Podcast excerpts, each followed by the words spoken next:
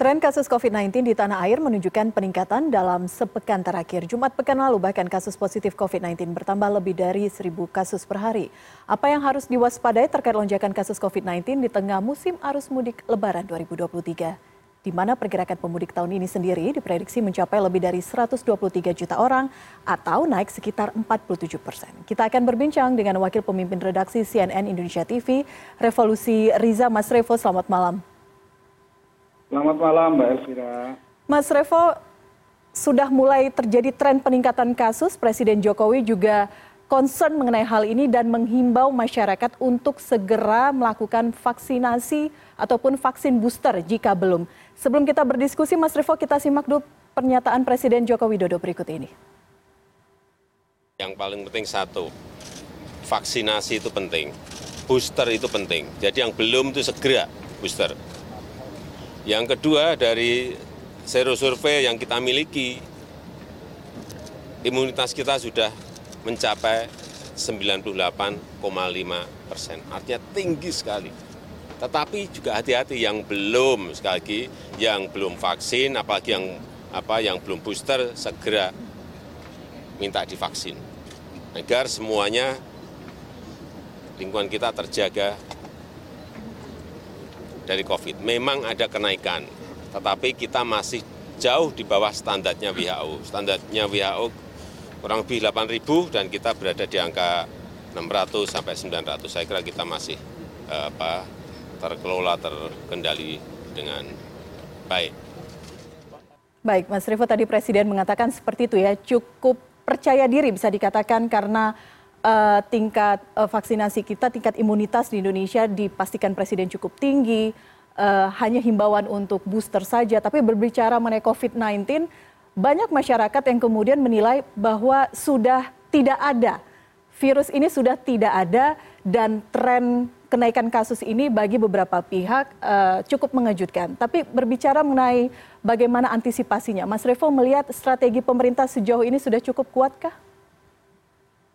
Ya Mbak Vi, uh, saya pikir tidak mengherankan kalau pemerintah uh, Presiden Jokowi uh, cukup percaya diri ya. Karena kan kita sebenarnya sudah terhitung empat tahun semenjak 2019 kita mengalami pandemi.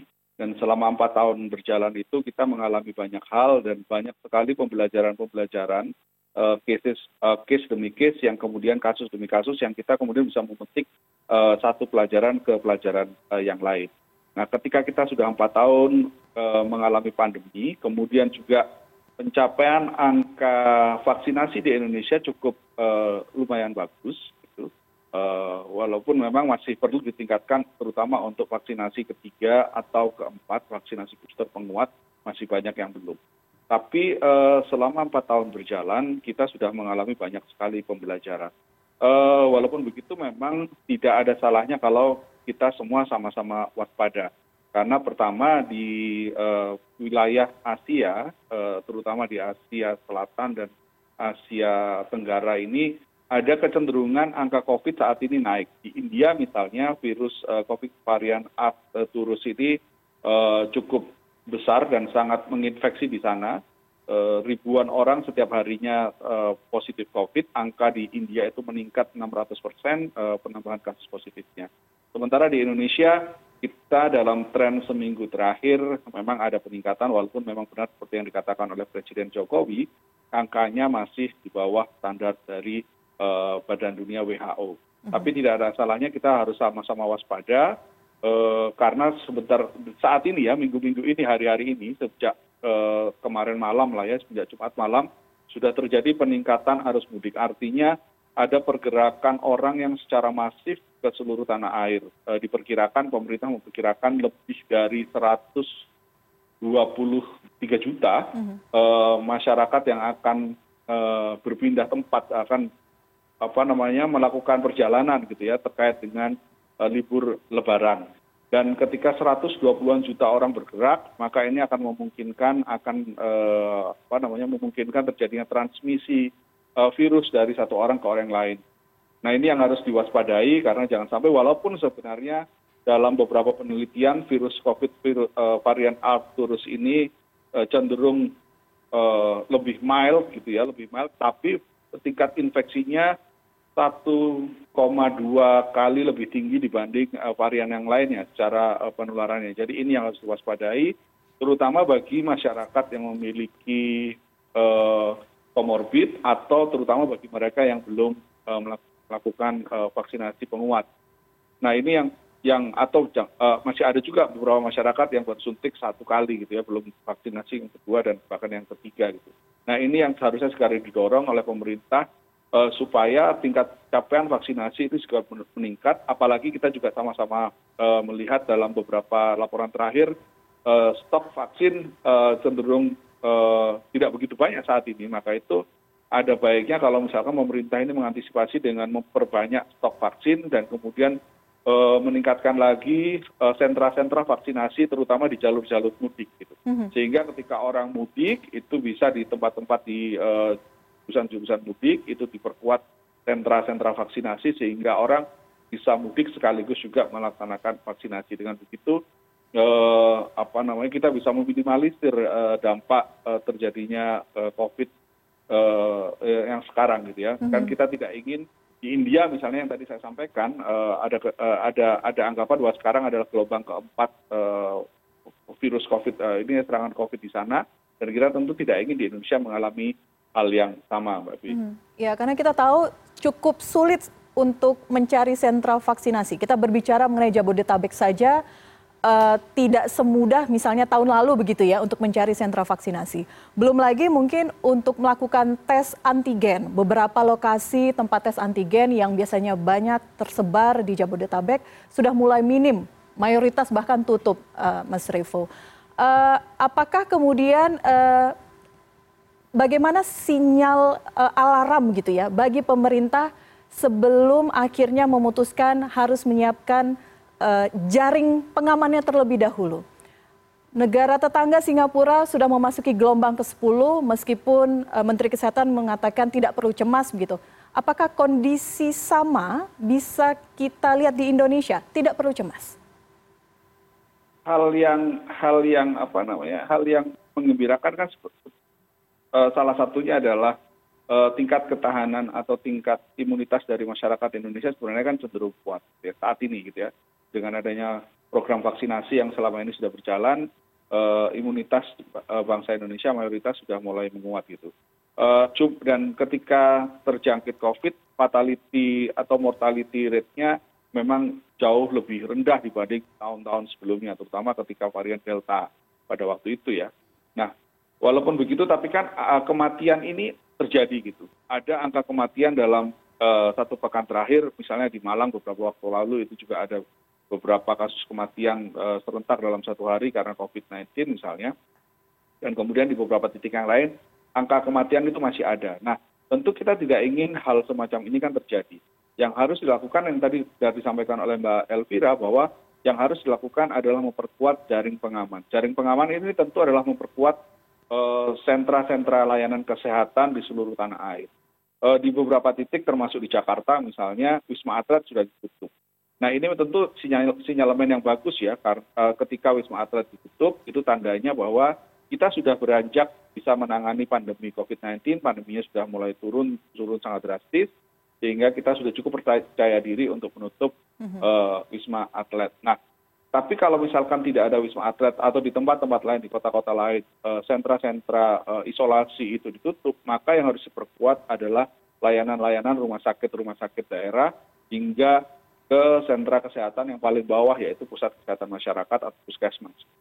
Nah, seharusnya vaksinasi vaksinasi ini juga bisa disebar di puskesmas puskesmas sehingga masyarakat yang belum mendapatkan vaksinasi tahap ketiga booster penguat ini bisa langsung tinggal datang ke puskesmas terdekat untuk kemudian meminta vaksinasi dan sebaiknya tidak dibatasi per ktp misalnya. Jadi ktp siapa pun misalnya orang jakarta yang saat ini sedang mudik entah itu ke sukabumi ke yogyakarta ke solo ke semarang surabaya dan sebagainya itu bisa mendapatkan vaksinasi di tempat tempat tersebut tanpa harus sesuai dengan domisilinya. Nah ini yang harus yang harus saya pikir ini yang perlu digalakkan kembali oleh pemerintah.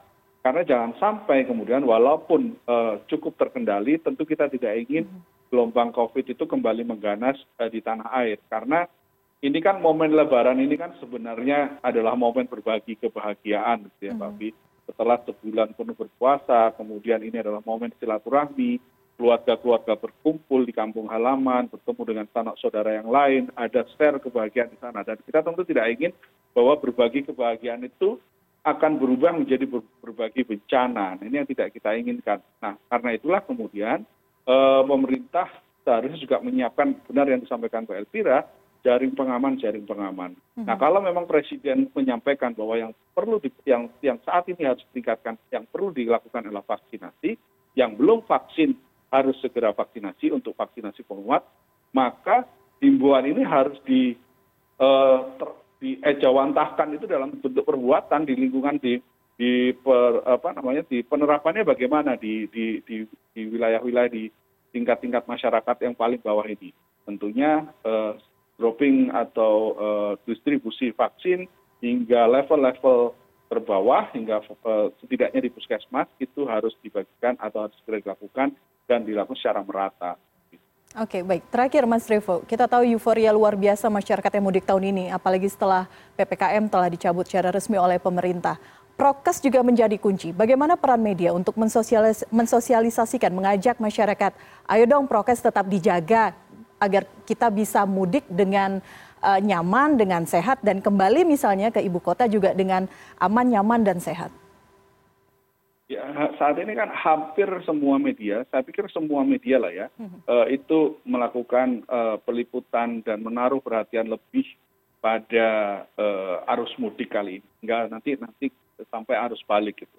123 juta orang bergerak secara hampir bersamaan dalam waktu relatif berbarengan. Ini tentu ada pergerakan yang sangat masif. Nah ini tentu menimbul uh, menjadi perhatian yang cukup tinggi ya buat kita. Uh, CNN Indonesia juga men menurunkan berbagai tim mudik tersebar di beberapa tempat. Nah melalui liputan-liputan laporan-laporan tidak hanya melaporkan pergerakan arus lalu lintas masyarakat bagaimana memberikan tips-tips atau memberikan kondisi terkini tapi juga uh, yang kita lakukan selama ini kan kita menghimbau supaya bagaimana eh, mudik ini bisa berlangsung dengan selamat aman tentram sentosa sehat gitu ya hmm. bagi semua yang saat ini melakukan eh, perjalanan mudik tentunya himbauan himbauan itu masuk dalam eh, laporan laporan kita dan pemerintah sendiri kan sebenarnya setiap mudik ini kan juga ada hal positif yang di yang di apa namanya yang yang diperoleh oleh pemerintah dalam skala ekonomi ya. Ketika orang bergerak 123 juta orang bergerak bersamaan. Kalau misalkan dalam eh, asumsi yang kita pakai adalah asumsi tahun lalu setiap orang menghabiskan uang satu setengah juta dalam eh, proses mudik ini ada uang berputar lebih dari 180 triliun. Nah ini tentu menggerakkan roda perekonomian. Baik. Nah pemerintah ketika menerima benefit dari roda perputaran ekonomi uang ini tentunya juga sama-sama kita sama-sama uh, inginkan yang kita inginkan adalah ekonomi bergerak secara sehat dan masyarakatnya juga bergerak secara sehat. Mhm. Nah, himbauan-himbauan ini yang yang yang juga kita awasi bersama dan kemudian kita juga melakukan campaign-campaign bersama supaya itu tadi mudik selamat dan mudik juga tetap sehat. Baik, harapannya demikian puncak arus mudik baru akan kita rasakan di awal pekan depan. Pergerakannya pasti akan luar biasa. Sekali lagi prokes juga menjadi yang utama. Mas Revo, terima kasih sudah berbincang bersama kami di Editorial View CNN Indonesia Prime News malam hari ini.